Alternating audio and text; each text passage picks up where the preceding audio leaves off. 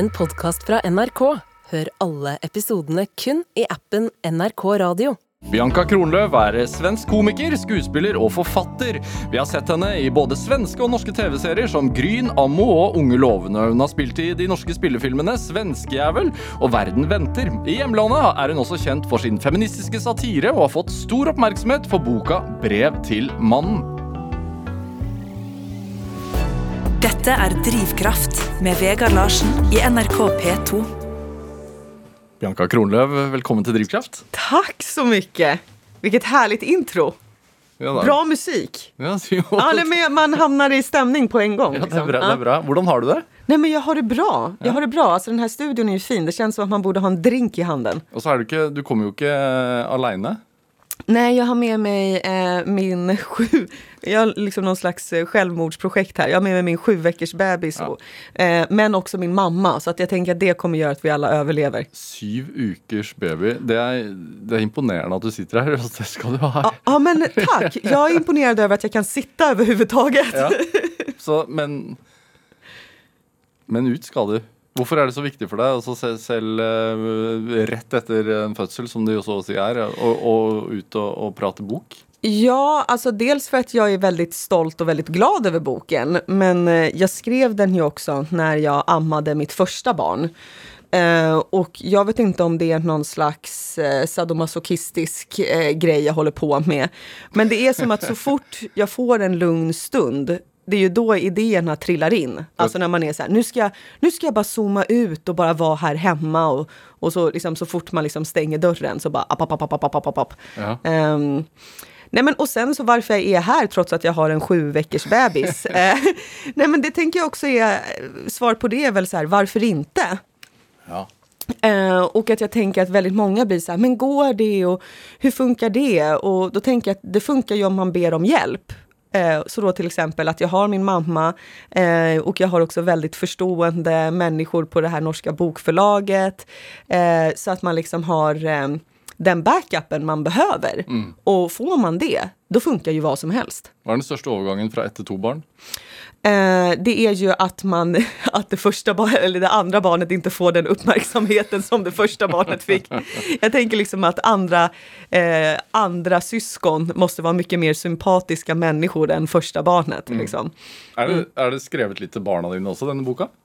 Ja, men den, eh, den första är skriven till eh, mitt barn som då är en dotter, men också till min bästa väns eh, son Julius.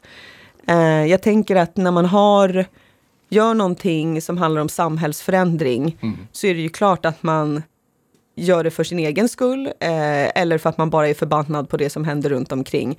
Men sen också när man får ett barn så blir det ju ett eko till Vänta, vänta, ska du gå igenom samma skit som jag har gjort? Nej, men nu får det, nu eh, slutar vi med det här helst igår, eh, tänker jag. Så det er en slags eh, håp om en forbedring? Herregud ja! Alltså jag tänker att man inte kan...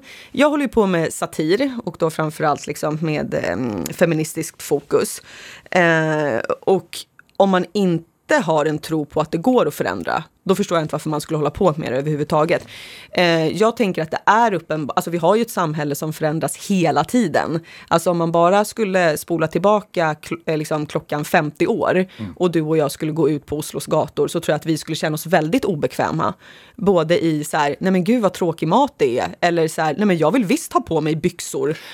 Eller liksom, eh, va? Jaha, i en semester, det går inte att åka längre än till Köpenhamn. Alltså, så att vi har ju, det sker ju förändringar hela tiden. Och det är det som också är intressant, att när man pratar om samhällsförändringar, och framförallt när det kommer till fe- feministisk samhällsförändring, så möter man ju samma motargument. Alltså att när kvinnor fick rösta eller fick ärva, så var liksom argumenten, men vad, eh, vad kommer hända med kärnfamiljen om hon börjar jobba? Vad, eh, nej, men, vaha, nej men då kanske vi inte ska ha kön överhuvudtaget. Nej men ska män och kvinnor vara samma? Det här är ju att gå för långt. Sen fick kvinnor ärva och rösta och då tycker man att det var helt okej. Men sen kom eh, barnhage. Jaha, nej men eh, Nej, men då kommer ju kärnfamiljen verkligen suddas ut och då kommer ju mammorna inte behövas och barnen kommer bli galna och mammor och pappor, det här, då spelar inte det för roll. Det, det här är att gå för långt. Och sen när man pratar om, så varje förändring möter, nej men papporna ska vara eh, föräldralediga. Mm. Nej men då, det här är att gå för långt. Nu kommer könen suddas ut. Så att jag tycker liksom att det är någonting som är väldigt spännande så att man kan liksom, när man pratar om jämställdhet och feminism mm. eh, och när man hör de här motargumenten motargumenten eller om man är de som säger de här motargumenten så kan man ju också titta bakåt och vara så här, men vem hade jag velat vara i debatten av liksom eh, av att se på människor jämställt eller lika. Mm. Mm. I förhållande till det med, med permission då, eh, ja. som du nämner nu, första barnet deras, mm. så nu har du mammaperm. Eh, jag, jag, jag, är här och är föräldraledig så jag ja. fuskar. Alltså, jag, är, jag är extremt dålig. Ja. Eh, så att om man ska se på det, då är jag mer en sån, sån man som då springer tillbaka till jobbet så fort jag kan. Ja, det gjorde du också förra barn. Eh, ja, exakt. Vad, vad slags reaktioner mötte du då? Att, att mannen din tog första, första delen av, av permissionen? Ja, vi gjorde ju då tvärtom med mitt första barn. Det var ju också, det blev väldigt stora reaktioner. Då spelade jag in en tv-serie i Sverige när min dotter var nio veckor. Ja. Och då när jag kom till filmset så var folk så här, jaha, eh, okej okay, men så din mamma tar hand om barnet då eller? Och jag bara, va? Nej. Jaha, har du en nanny? Nej. Och då blev folk liksom helt vita i ansiktet och var så här, men vad har du gjort? Som att det var så här, som att jag bara typ hade tagit barnet och låst in det i ett litet skåp eh, på tågstationen. Och jag bara, jo, nej men jag har liksom den här sjuka grejen eh, som heter eh, en pappa pappa. Eh, vi, jag, jag, har så en heterosexuell relation där vi är två stycken föräldrar. Eh, jag vet inte om du har ta, hört talas om det. Mm. Eh, och liksom att man börjar skämta då. Och då märkte man att den här personen, eller människorna som hade sagt det, att de började skämmas jättemycket. Jo, jo nej, men det är klart. Det är ju, det är ju klart att, att det är normalt och att, ja, ja, ja. ja. Nej, men så att eh, eh, jag skulle säga att det var förvånande att märka eh, bland mina egna liksom, vänner och kollegor mm. hur ovanligt det var och då trodde jag också att min kille, för folk blir också så här, aha får din kille massa jävla applåder nu eller? För att han är hemma med sitt barn. Men det hände inte. Han fick inte? Nej, utan det som hände var snarare tvärtom. Ja. Att folk slutade prata om det. För att eftersom han, inte bara att vi delade på föräldrapermissionen, utan han tog den första delen. Då satte ju det lys på hur få av våra vänner som tog ut halva. Mm. Så då kunde man ju inte heller säga så här, åh vad han är duktig. För då sa man ju, för då är min kille dålig. Så att det blev ett icke-samtalsämne mm. i våra eller min vänskapskrets. Och det var också väldigt spännande att märka. För då var det som att man märkte så här, shit vad vi har eh, det har varit väldigt mycket bullshit fram tills att så här, shit got real och vi skaffade barn. Mm. Och då att helt plötsligt alla hoppar in i de här färdiga boxarna. Liksom. Varför är det så lätt att bli förnärmad över hur andra gör det? Jag tror att det är så, för att eh, vi människor, jag tror att man tror att andra tittar och tänker saker om en som inte är sant. Mm. Som till exempel ifall någon är vegan då blir ju folk så här, tror du att jag hatar djur eller? Uh, och så är, blir veganen så här, Va? nej det är bara att jag inte äter kött, jag skiter i dig. Uh, ja men du ska ju alltid prata om att du är vegan och veganen är så här, jag har inte ens pratat om att jag är vegan, det är du som pratar om att jag är vegan.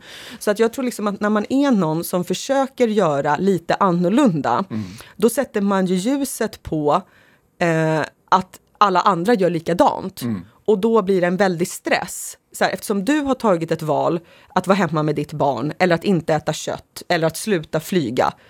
Då helt plötsligt märker ju jag att jag äter kött och flyger eller att jag inte var hemma med mitt barn. Och då blir jag så här, jaha, tänker du massa saker om mig nu? Och sen så skriver man massa elaka kommentarer på Facebook och Instagram om de människorna. Hur ofta har du fått höra att ja, du, Bianca Kronlöf, du, du må ju hata män? Eh, förvånansvärt eh, ofta. Eh, och då med tanke på eh, hur otroligt många män jag har legat med så är ju det här ett väldigt konstigt påstående. Alltså det är som att man bara skulle vilja dra ut sin repertoar av så här sluttiness och bara vara så här, intervjua alla de här männen om hur mycket jag har älskat dem. Ehm, eh, och hur bra jag var också på att göra det. nej men så att det här är ett otroligt både konstigt påstående, för att eftersom de flesta feminister är heterosexuella så är det ju inte bara att vi lever med män. Vi älskar ju och åtrår män också. Och att den feministiska rörelsen aldrig har varit våldsam. Mm. Alltså till skillnad från flera andra rörelser, klassrörelsen, frihetsrörelsen, så, så har den, den, feministiska rörelsen blir anklagad för att vara aggressiv och våldsam. Men den enda som den har varit aggressiv och våldsam till är ju sig själv. Alltså su suffragetterna till exempel som svalt sig själva. De lämnade sina, alltså eh, satt in i fängelser och hade hungerstrejk. Mm. Sen är det också att man brukar ju ha suffragettrörelsen som en sån här, ja men de var ju våldsamma. För de eldade ju upp ett hus i England som det inte fanns någon i. Och det var också en av de här som sprang ut på en ridbana mm. när kungen eh, de hade en så här ridtävling med en skylt där det stod så här, Votes for women. Och hon sprang ut där och liksom blev nedkrampad och mördad av hästen. Så att det är mer som att det är någon slags självplågande som kvinnorörelsen har hållit på med. Eh, så det, liksom, det, är väldigt få män som har blivit skadade egentligen. Mm. Följer du att du driver med självplagning? Eh, ja, jag åker ju till Norge med en sju veckors bebis, så kanske. Nej. Detta är Drivkraft med Vegard Larsen i NRK P2. Og i dag er eh, komiker, skuespiller og forfatter Bianca Kronløv her hos meg i Drivkraft på NRK P2. Jeg hører deg nå og har lest en del intervjuer med deg mm. der du har sagt at jeg var et veldig sjenert barn. Ja. Jag var eh, supergenert när jag var liten. Ja. Eh, och jag kommer också, det är som att när jag ser generade barn nu så är det som att jag känner i kroppen hur det känns. Hur känns det? Nej men alltså att det är som att sitta i en liten bur. Eh, för att det som också är med att vara genert är ju att du vet om att du inte är så på riktigt. Så att när jag var hemma och var i liksom ett tryggt rum, då klädde jag ut mig och jag hade show och jag dansade och sjöng. Och sen när jag kom till skolan, eller om någon jag inte kände kom hem, så mm. låste, låste jag in, liksom så, så är det som att man liksom är helt stängd. Och jag tror att det är därför jag också tänker på flickrummet som en helig plats. Hur såg det ut? Ja, men, eh, du vet, hundra teckningar på, eh, på väggarna. Man har utklädningskläder, det är rosa, det är glitter, det är, eh, man har snott kläder från mamma och pappa som man har på sig. Man lyssnar på musik. Eh, sen blir man tonåring, då byter man ut teckningarna mot planscher. Eh, man sminkar sig lite för mycket. Man börjar dansa lite sexigt. Man skulle aldrig våga dansa så på disco till skolan, men man gör det hemma. Eh, och sen när man går till skolan så sätter man bort lite smink för att ingen ska tro att jag tror att jag kan bli snygg, inte ens med smink smink. Um, men så var det liksom att jag hade då ett tjejgäng, vi var fyra. Var i är vi? Vi är en timme utanför Stockholm på, inte landsbygden, men du vet ett sånt där område, det är bara skog. Du vet när du åker bil genom Skandinavien och det är skog, skog, skog, skog, skog. Och sen kommer, boom, ett radhusområde. Och sen är det skog, skog, skog, skog, skog. I ett sånt område växte jag upp. Vad heter? Sorunda. Sorunda. Mm, det finns två vikingastenar eh, och sen är det slut. Så om man gillar liksom så, jo och en, en kyrka som eh, Gustav Vasa tog ett beslut att man skulle prata svenska i kyrkan eh, och inte latin och då skulle man också måla över alla eh, kyrkomålningar för att man skulle liksom bara lyssna när det blev protestantiskt. Så då, eh, det här låg så långt bort så att de fick inte den informationen så att eh, målningarna är inte övermålade. Så vissa sådana liksom med eh, kyrkofantaster vet eh, vad Sorunda är för att de åkte dit och tittat på kyrkan inte så coolt när man är 14. Nej. Nej. Varför inte? Eh, för att eh, muralmålningar inte står högst. Det, det, är inte det som gör att man blir... Nej men precis, det är inte det som gör att man blir av med oskulden. Liksom. Det är inte det som eh, gör att du blir bjuden på fest. Mm. Hur var det Kronlövska hem då? Nej men det var, det Kronlövska hemmet var väldigt eh, fritt. Eh, och eh, hur många är det? Vi är, eh, vi är tre stycken eh, systrar. Ja. Eh, och, Var är du? Eh, jag är äldst. Eh, så att jag är det här barnet som fick jättemycket uppmärksamhet när jag var ny.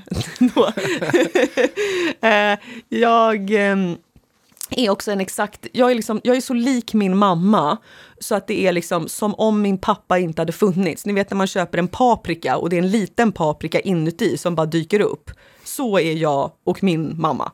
Eh, det är liksom, det är bara, det är liksom, i, i, ja, vi skulle kunna ha liksom samma passbild typ. Ja. Eh, nej men, eh, Vad gjorde de då? Eh, Min mamma är sjuksyster och min pappa är stenläggare. Men båda två har alltid varit väldigt eh, liksom, intresserade av kultur.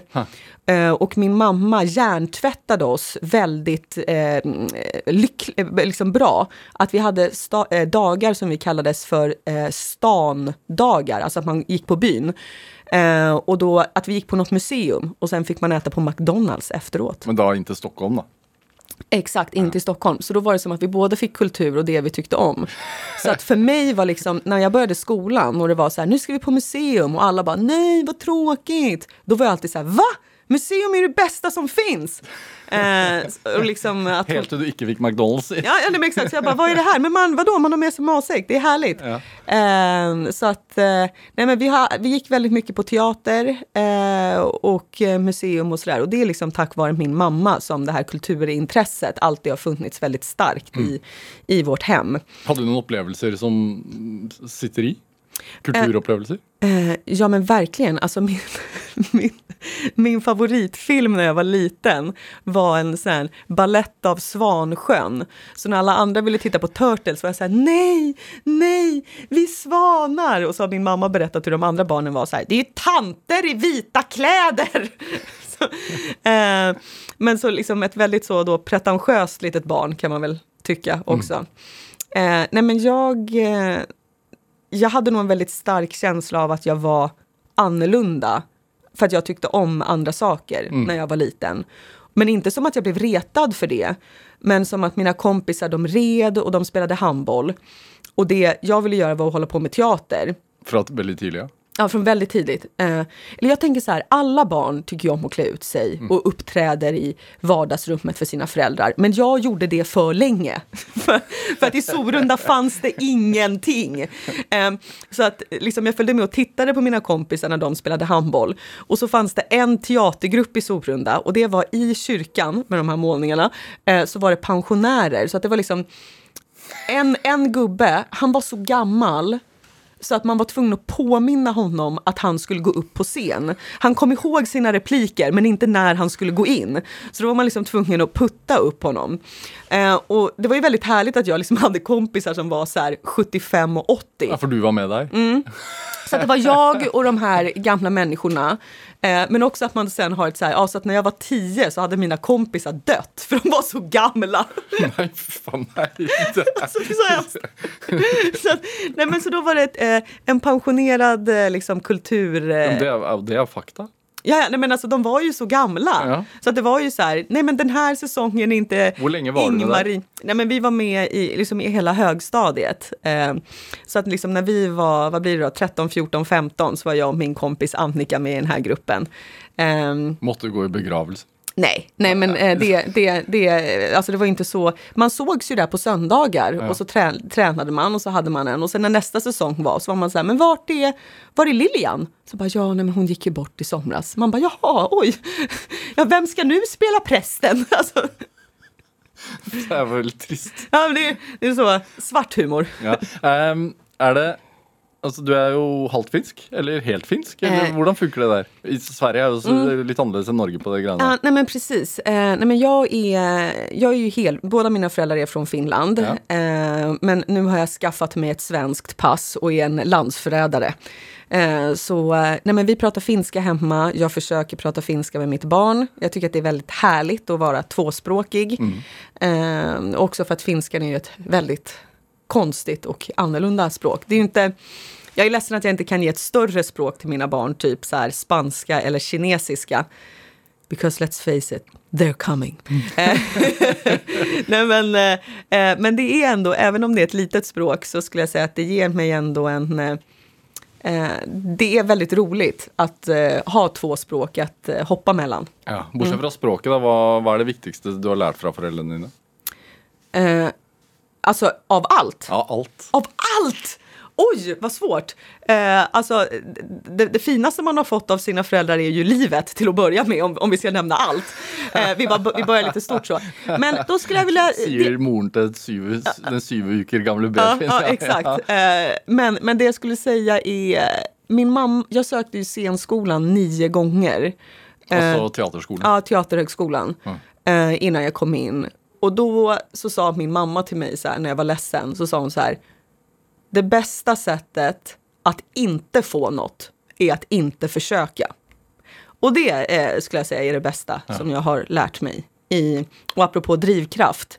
ehm, att jag är ju en person som både jobbar med andra, alltså när man är en klassisk skådespelare, man är med i någon annans projekt, spelar in en film eller då är det ju någon som redan har gjort hela arbetet, skrivit manus, sökt pengar och så vidare. Och så blir man inbjuden, vilket är väldigt lyxigt och härligt. Eh, medans då till exempel den här boken, Brev till mannen, då är det ju en själv som får en absurd idé som är att jag ska sätta mig i ett rum, skriva ner ord och hoppas att någon annan vill läsa det här. Eh, och det är ju ganska... Och, så, och så, så bestämmer man det själv. Och så har man liksom en tom... Eh, det bara blinkar vitt på datorn och så ska man börja skriva det här. Och det om något är ju att försöka. Och jag tänker att det är ganska många som eh, eh, har idéer som man vill göra. Eh, och så tittar man på TED-talks och intervjuer med stora skådespelare och konstnärer och, så, och, och vill liksom hämta inspiration från hur de gjorde. Gjorde du det? Eh, men, ja, men det tänker jag verkligen att man, man, man gör. Liksom. Och framförallt när man är, är ung. Eh, och, eller jag gör fortfarande såklart att man är så här, åh, Margaret Atwood, hur tänkte hon när hon skrev det här? Eller "Åh, Quentin Tarantino när han gjorde den här filmen och liksom sådär. Eh, och så är det inspirerande. Men jag skulle säga att den störst, och att folk blir så här, "Ja, men hur tänkte du när du gjorde den här? Och jag skulle säga att den största skillnaden eh, är egentligen inte hur man gör, utan att man gör. Eh, och liksom till alla som, som lyssnar, som, jag tänker att alla har en liten tickande idé där inne. Oavsett om det är skriva en bok eller måla sitt vardagsrum knallrosa. Eh, så är det ju faktiskt det största tipset är att bara göra. Och att skillnaden på kvantitet och kvalitet, att man inte ska vara rädd för det. För att det är så här, du kommer inte lära dig om du inte gör. För konst är att i början tänka, men all konst är ett görande. För att det kräver också, och där tror jag att det är ganska tydligt att jag kommer från teatern. Att för mig så är det så här, den där boken, den finns inte om ingen läser den. Även om den fysiskt finns, så kräver den en läsare. På samma sätt som på en teaterscen, när vi står där och repeterar, det är bara lek fram tills att publiken kommer. Liksom, teater för mig är att person A spelar person B, men person C måste också titta. Eh, och det är ju någonting som händer med oss människor när vi får en annan människas blick på oss. Antingen kan det ju vara som du sa i början, att man nästan blir aggressivt inställd. Jaha, tycker du att jag är dålig för att jag inte gör som du? Eller så kan det ju bli att när någon tittar på mig så får jag också syn på mig själv, men också att jag taggar, alltså jag får ju en annan energi. När du och jag sitter här och pratar så är det ett väldigt intimt samtal, men vi vet ju också att det finns människor som sitter i bilen, som eh, jobbar, som lyssnar på det vi säger. Mm, vad gör det? Nej, men, och då, det blir ju...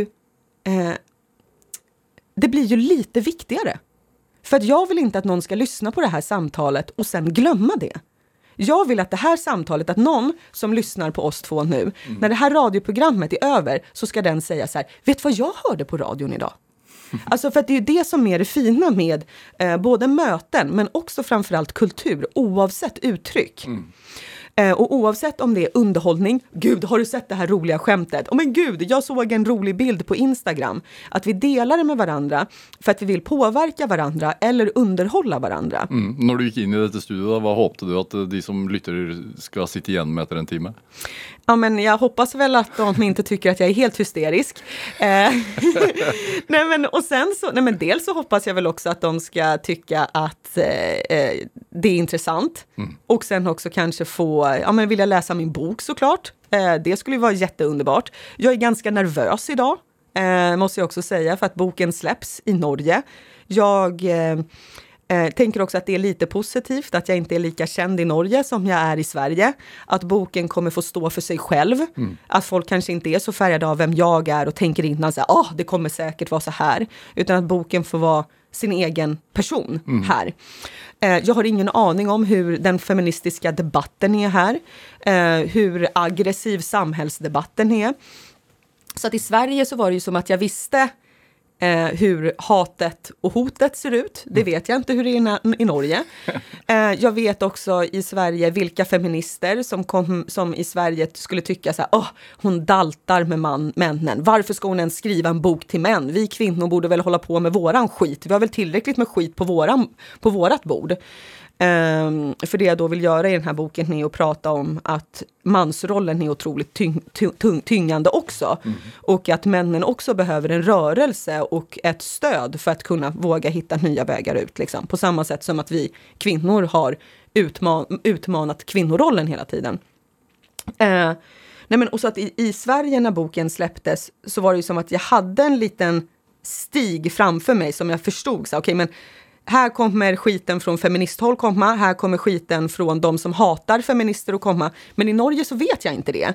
Så att här är det som att jag står på en trampolin och har ett sånt ishav framför mig och ska hoppa ner i en isvak och är så här, hur kallt kommer det vara där nere? Eller kommer det kanske vara lite så här trevliga bubblor också?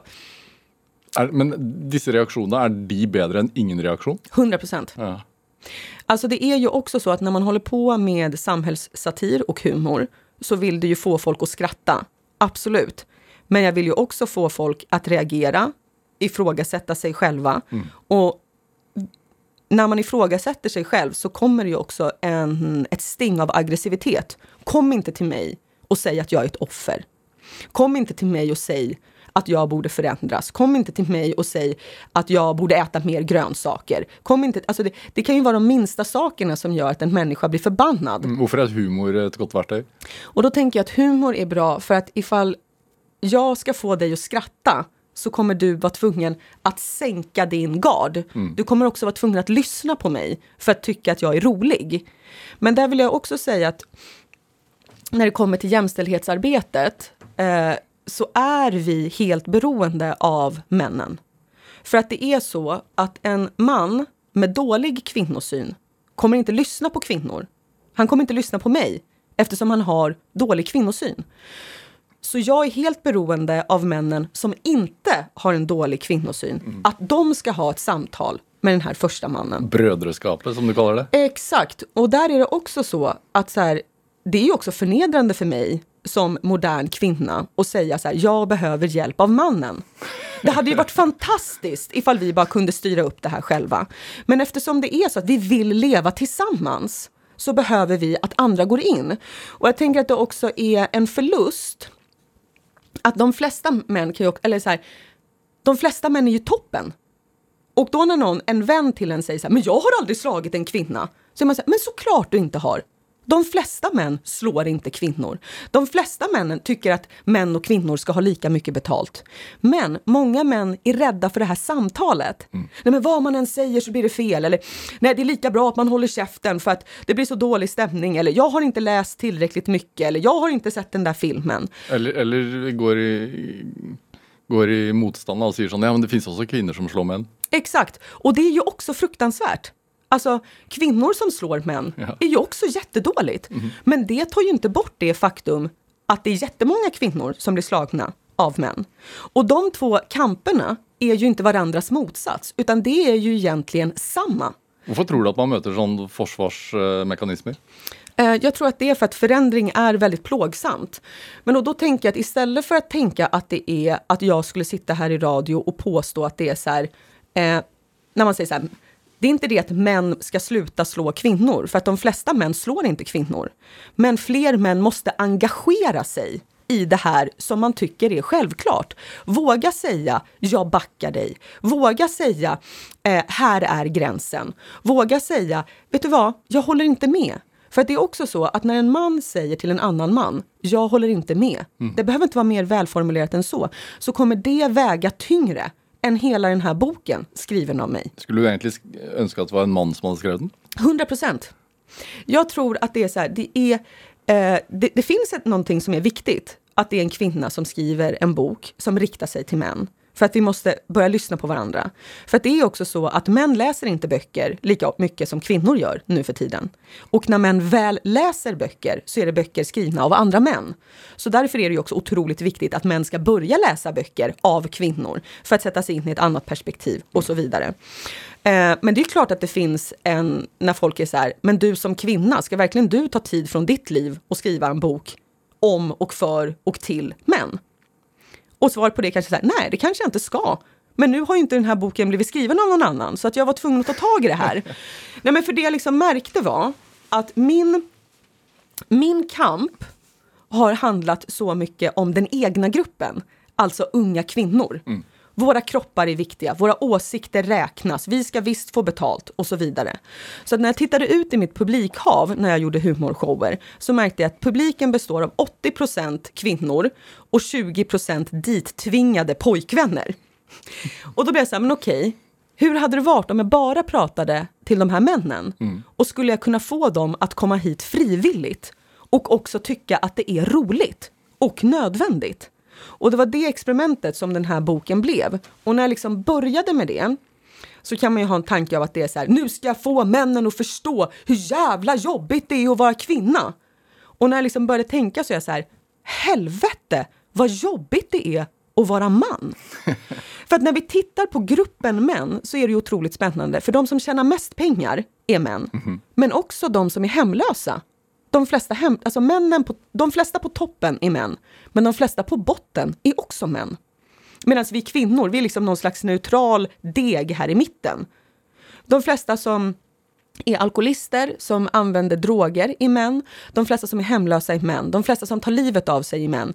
De flesta män har slutat att plugga på universitetet. Gruppen män ser väldigt olika ut. Det finns fattiga, rika, vita, svarta. Mm. Men som grupp så är det någonting som händer här som är väldigt sorgligt. Och jag tror att gruppen män också hade kunnat hjälpa varandra på ett sätt som vi kvinnor faktiskt har gjort i flera år. Alltså att det man pratar om Uh, jag tänker till exempel att det är väldigt våld, ut, våldsutsatt att vara män. De flesta som blir nedslagna på stan mm. är ju män. Mm, du skrev ett brev till, eh, till sönnen i, i boka. Mm, och det var det första brevet jag skrev. Ah. För att jag behövde en ingång som skulle vara varm en ingång till någon, gud nu blir jag helt så här. Um, där det är liksom så här, men du, du är helt ren. Och att det är så här, unga män, det är så här, du kommer bli slagen. Mm. Du kommer vänja dig vid våldet. Du kommer skämta bort våldet. Eh, mm, du kommer ha, åka till en fotbollsmatch med ditt lags halsduk och se motståndarlaget och gömma din halsduk. För att du kommer vara rädd. Och jag hör, jag hör män i min egen ålder säga så här, ja det är ju ett under att man överlevde 15 till 25. Och sen engagerar de sig inte för unga män. De är bara neutrala och så skämtar de bort det. De berättar det som ett äventyr eller till och med som en stolthet. Ja, vet, vet du hur mycket stryk jag kan ge? Men vet du hur mycket stryk jag kan ta? Så den nedslagna mannen bär sina ärr som en trofé. Mm. Vilket gör att den unga mannen inte kan söka tröst och då inte heller vågar söka hjälp. Så att till alla män över 30 som lyssnar på det här programmet skulle jag vilja be att du ska ransaka dig själv, hur du förhåller dig till våld och hur du pratar om det. Och jag skulle be dig att ha ett samtal med en yngre man om när har du varit rädd? Och vad hade du behövt då? För att jag tror att det är först då vi kan nå en förändring. För att om vi fortsätter att skratta bort det, mm. vad, då kommer de unga männen gå igenom samma sak. Och då om vi tittar på kvinnorörelsen, då är det så här, den är inte hela vägen. Vi har inte nått alla strider, absolut. Men vi har i alla fall samtalet. Vi har haft metoo. Vi har sagt, jag har varit med om skit, men det var inte mitt fel. Och jag kan fortfarande vara stark, jag kan vara svag samtidigt. Men det här samtalet finns inte hos männen. Och det gör ju också att när jag, eh, de flesta som blir liksom eh, tafsade på är kvinnor mellan 16 och 25. Mm. Jag är inte 16 och 25 längre, men jag kommer ihåg hur det här känns. Och därför måste jag slåss för tjejerna som är 16 och 25 och inte säga så här, ja men så är det, nej men han gjorde ju bara så för att han är kär i dig, men det är för att du är så snygg och försöka vända om det här, den här skiten till någon slags komplimang. Utan jag säger, han, har fan in, han ska fan inte tafsa på dig. Du får på dig hur kort kjol som helst. Ingen får röra dig ändå. Och det är det vi behöver att männen ska göra för de unga killarna. Mm. Ingen får slå dig för att du hade på dig fel fotbollshalsduk. Ingen får slå dig för att du var lite för full på stan och gick fram och snackade med någon du inte kände. Och så här, måste du vara så kaxig? Måste du prata så högt? Du får prata hur högt du vill. Ingen får slå dig på stan. Eh, så att det, det är något jag ber om till mm. män över 30. Bianca Kronlöf, vi ska spela lite musik. Ja. Eh, det är en låt som passar ganska gott till det du akkurat sa, är det inte det? -huh. uh, en låt som heter Det börjar med mig. Mm. Uh, vad är detta? Mm. Vad är det för en låt? Uh, den, det är en grupp, det är olika ra svenska rappare som gick samman och gjorde en, en låt tillsammans med en kampanj som hette Fatta man om just mansrollen.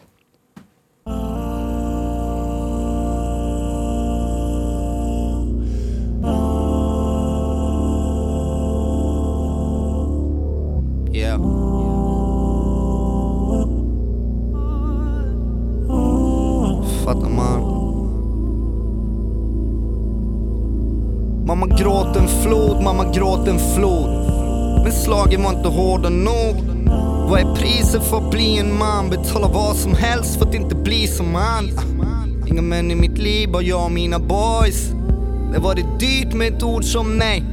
Ett bättre pris på att bli som dem. Inte råd att bli som kvinnorna fostrat mig. Samma väg att gå hem, men när jag går bakom dig springer du ifrån mig. Ser mig som ett hot, ser mig runt och jag förstår dig. Vad det ens värt, springer kapp men det förlåt mig. Skit och förlåt, du vill ha ansvar. Gjort fucked up skit med det fucked up bild av vad det man var. Pappa gråt en flod, pappa gråt en flod. Ja, du hörde mig, ditt arv dör med dig. Jag vill välja något annat än ett tvång. Själv. Fast någon annan var mig själv. Fast någon annan uh. Jag badar i skulderna varje dag. När du ser mig så ser du bort, jag förstår dig för jag är van. Har legat med så många, det verkar som halva stan. Så många lögner som jag gett dig, det är klart att du gav dig av, jag förstår. Vårt förhållande, det blev som ett krig. Och vi sköt ner varandra för att hitta sanningen i varför jag fann det enklare att vara intim med någon som jag inte känner hellre än att prata känslor. För vem vill vara med någon som kan vara så kall? Det här är inget som jag säger för att få dig på fall. Men jag har fattat att jag måste jobba med mig själv. Och såklart en del av mig vill följa med dig hem Jag balanserar på linan mellan det som har varit och det som kommer bli min framtid Känns som Harleys De säger att mönstret är svårt att bryta Alla kedjor som jag burit kommer ryka Det börjar med mig Jag vill välja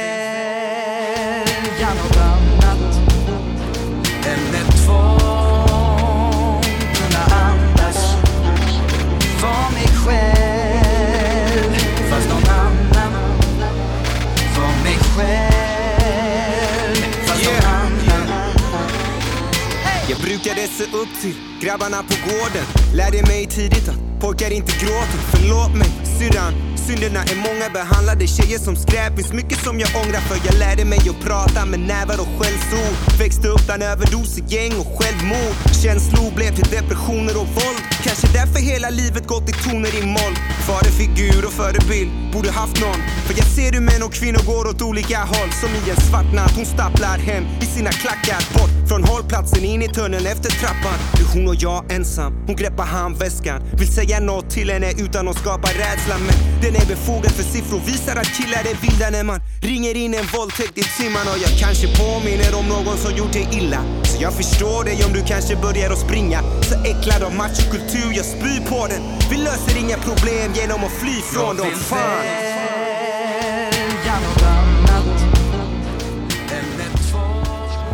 Ja, du fick eh, Det börjar med mig, fattar man, eh, här i Drivkraft på NRK P2. Valgt av dagens gäst här i Drivkraft, eh, nämligen skuespiller och författare Bianca Kronlöf. När försvann den blyge Bianca?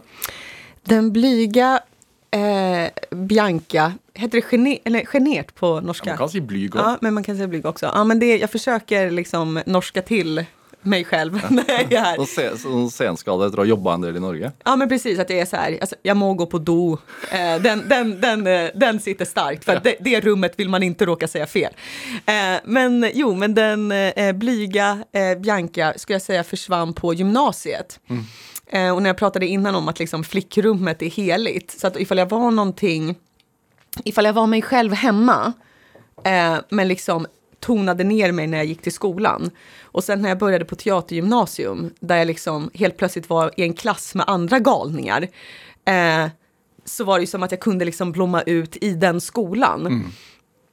Och jag skulle säga att det är liksom den, det steget har jag liksom kunnat hitta liksom ett mentalt tillstånd att när jag blir blyg idag och när jag känner mig blyg så känner jag också min systers hand i ryggen eller min väninnas hand i ryggen. Så att jag liksom lyckas låtsas att du och jag sitter i mitt flickrum nu. Alltså jag är på NRK men jag låtsas att vi är hemma hos mig.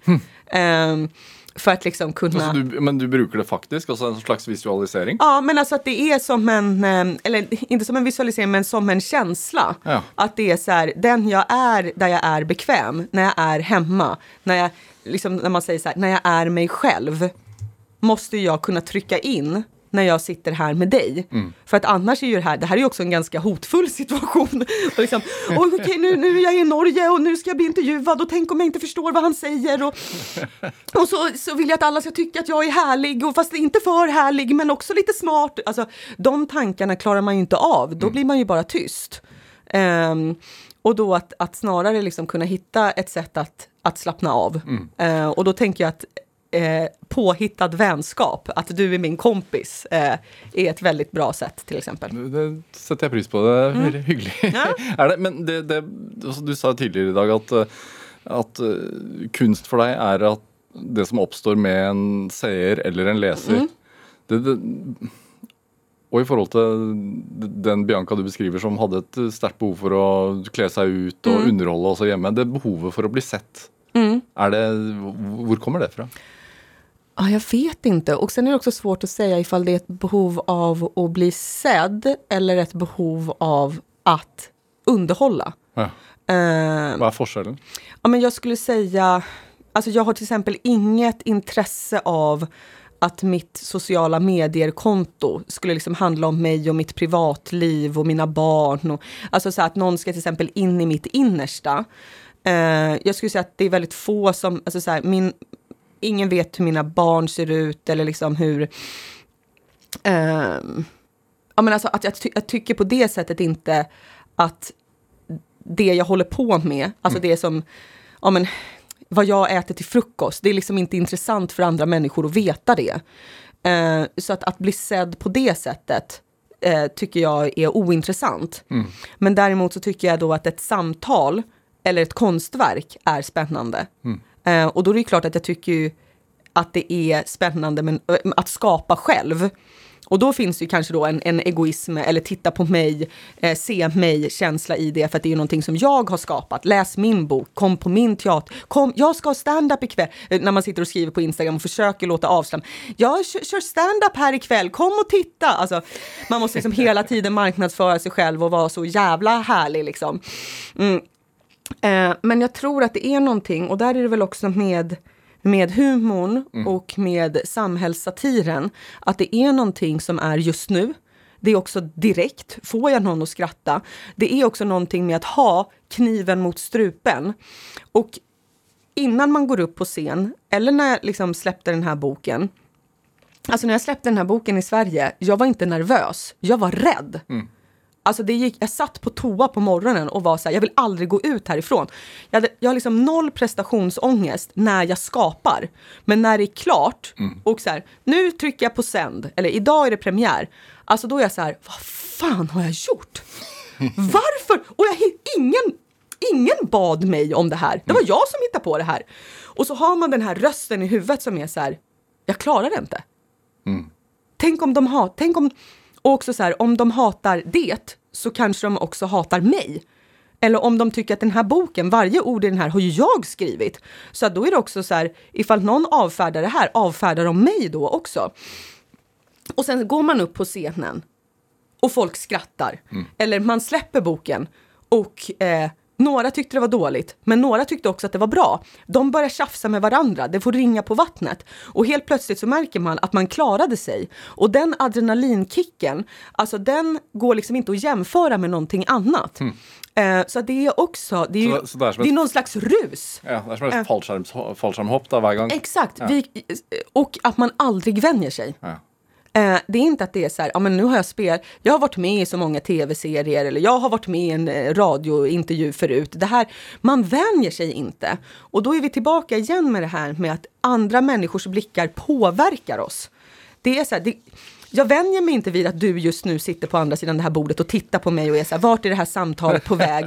Ja, det är så här mycket tid kvar. Alltså att det är, det är, ett det är ett lopp som vi springer här i den här radiostudion tillsammans. Eller liksom en teaterföreställning eller en stand-up. Blir man Alltså, avhengig av det kicket? eh, ja, men det tycker jag. Ja. Absolut. For jeg tenker sånn, Når du har søkt på Teaterhøgskolen eh, ni ganger, da, eller Mm. Ja. og kommet inn den niende, Ja. så det jo en stamina der eh, og, og en vilje. Ja. Og så kommer du inn, og så eh, er det jo sånn Hvilken retning skal jeg gå som skuespiller? Mm. Men så velger du jo da i tillegg å, å gå standup-veien. Ja. Ja, nej, men på Teaterhögskolan håller man ju inte på med så mycket humor, utan det är mer så eh, död, blod och allvar. Hva, var- hva, hva, Eh. hva, hva i svensk eh, standup var det som gjorde at du tenkte ja, her har jeg en plass? Eh, det tänkte jag absolut inte. Nej, jag tänkte inte att här har jag en plats. Eh, jag tänkte wow vad coola de är och jag är värsta tönten. Eh, men och så tittade jag mycket på och förhöll mig inte till svensk standup överhuvudtaget faktiskt, utan jag tittade på amerikansk standup och jag tyckte att det var spännande och att jag som människa har haft eh, liksom humor som ett grepp. Liksom.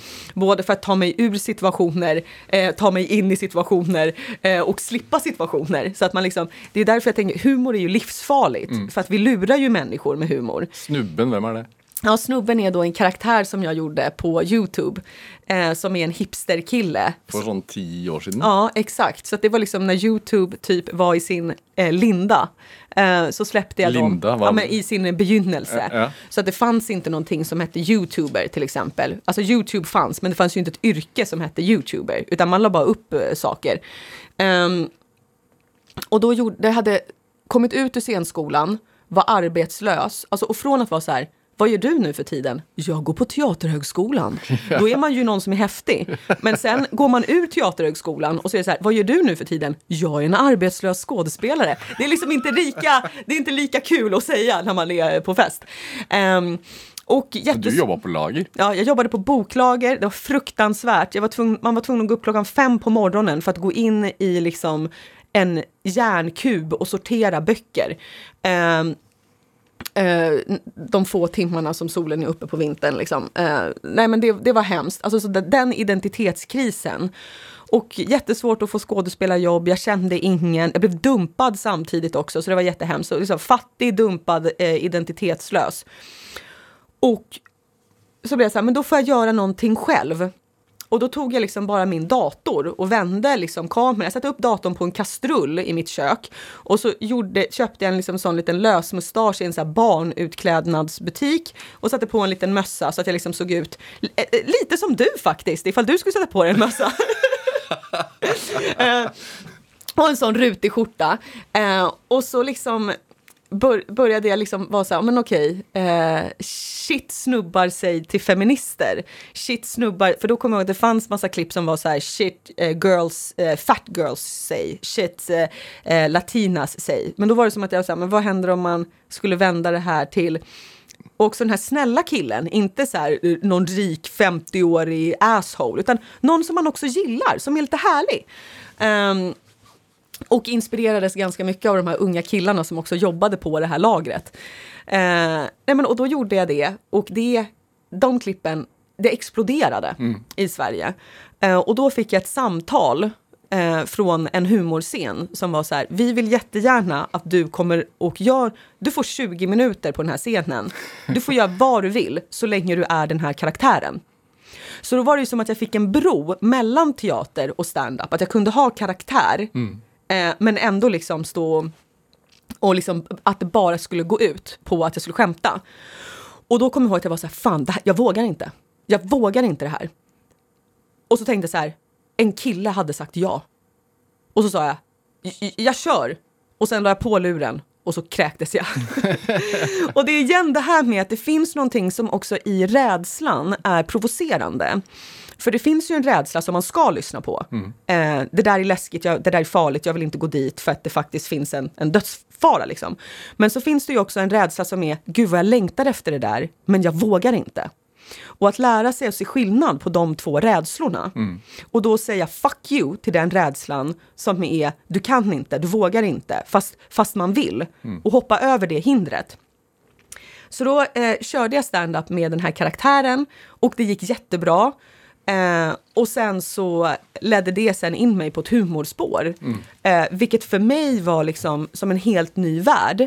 Men att i Sverige så blev jag liksom först känd inom ett humorsammanhang. Medan för mig personligen var det så här, wow, det här är nytt vatten. Och sen så gjorde jag då en en dramafilm som hette Svenskjävel som vi spelade in här i Oslo.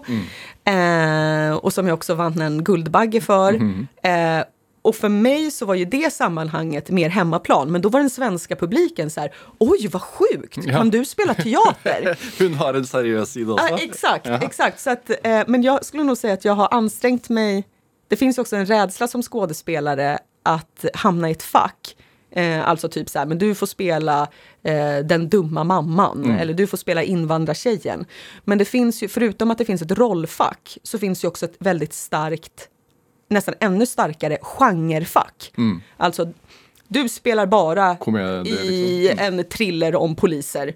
Ehm, så att jag skulle säga att jag har ansträngt mig ganska mycket för att liksom eh, förvirra folk genom att hoppa från box till box. Alltså både när det kommer till humor och drama, eh, när det kommer till att göra saker själv eller vara i andras eller som nu då eh, skriva en bok helt plötsligt.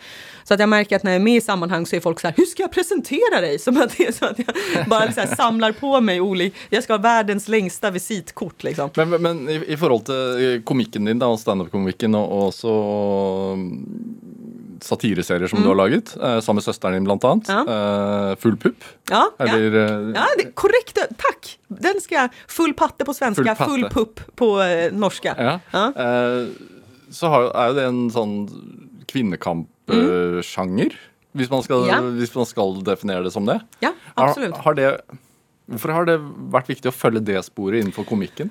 För att jag tycker att, eh, men då när det kommer till drivkrafter igen, så skulle jag säga att mina drivkrafter är en blandning mellan att ha det göj, att orka genom att ha det göj, men också ilska. Så att det är en blandning av, fy fan, nu är det slut, det här måste förändras.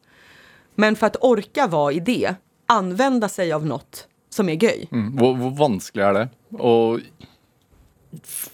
at eh, hva skal man si, sinne blir morsomt Mm. istedenfor at eh, det bare blir sinne? Nej, det är, eh, det är en... Eh, det är en piruett att göra det. Mm. Vanskeligere på tekst, tenker jeg. enn- Ja, van, vanskligare på text, eh, för att då kan du ju inte höra ironin, Mm. såklart. Vilket jag ganska snabbt märkte när jag blev i, eh, intervjuad i text. Att det är så här, säg inte sådär. Eh, typ att säga i text så här, vet du hur många jag har legat med? Det, det, liksom, det blir inte lika bra i text som eh, när man hör att jag låter lite ironisk. När jag, liksom så. Ehm, nej men, eh, det, det är, då är det som att jag liksom nästan, jag och min syster började med, när vi då skrev den här serien, att vara så här, vad vill vi säga?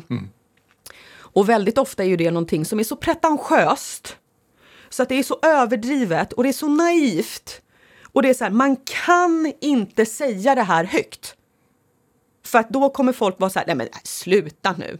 Som eksempel. Ja men till exempel att det är så här, eh, eh, varför kan inte alla få må bra? Det är så här, man kan inte säga så här, va, kan inte alla bara vara snälla? Du kan inte så här, vill du titta på min serie? Den heter Varför kan inte alla vara snälla? Alltså det går inte. Eh, och då så skriver man upp, varför kan inte alla vara snälla? Varför får vi inte må bra? Varför måste vi hata våra kroppar? Eh, varför köper vi saker för att imponera på andra? Och så liksom skriver man upp de här extremt pubertala, jätteklyschiga sakerna. Men som man ju också blir så här, fast det är ju det här som är problemet. Problemet är att vi hatar våra egna kroppar och det gör att vi dömer andras kroppar. Eh, vi handlar saker som vi inte behöver och jobbar på jobb vi inte tycker om. Eh, och då blir man så här, okej, okay, det är titeln, men den är superhemlig. Det här får aldrig komma ut. Det här är det hem... Alltså så här, för att om det här kommer ut kommer ingen lyssna. Och sen på den hemligheten så målar man lager på lager av humor och glitter och musik och dans. Och det gör att folk orkar titta, köper en biljett och sen när de går därifrån så kanske de tänker ja, varför köpte jag det där jättedyra som jag inte behöver? Eller ja, varför behandlar jag min egen kropp som skit? Eh, så att det är liksom, det, det, det är en fälla. Mm. Mm. Har, har, du det bra? Då? Om jag har det bra?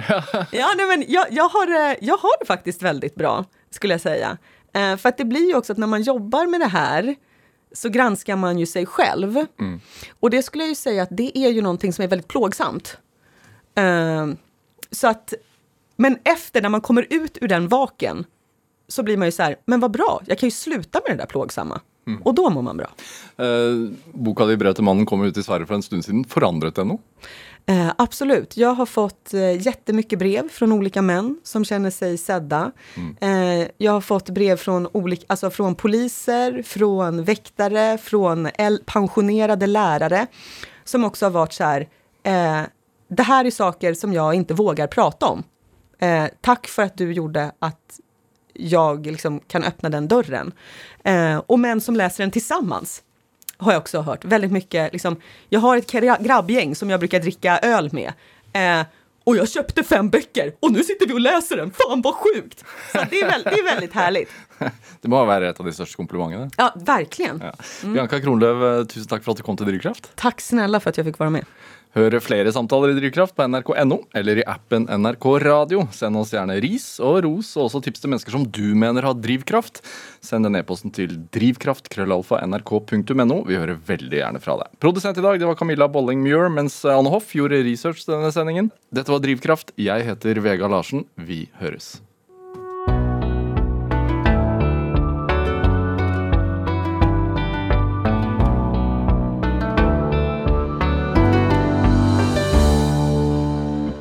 Du har hørt en podkast fra NRK. Hør alle episodene kun i appen NRK Radio.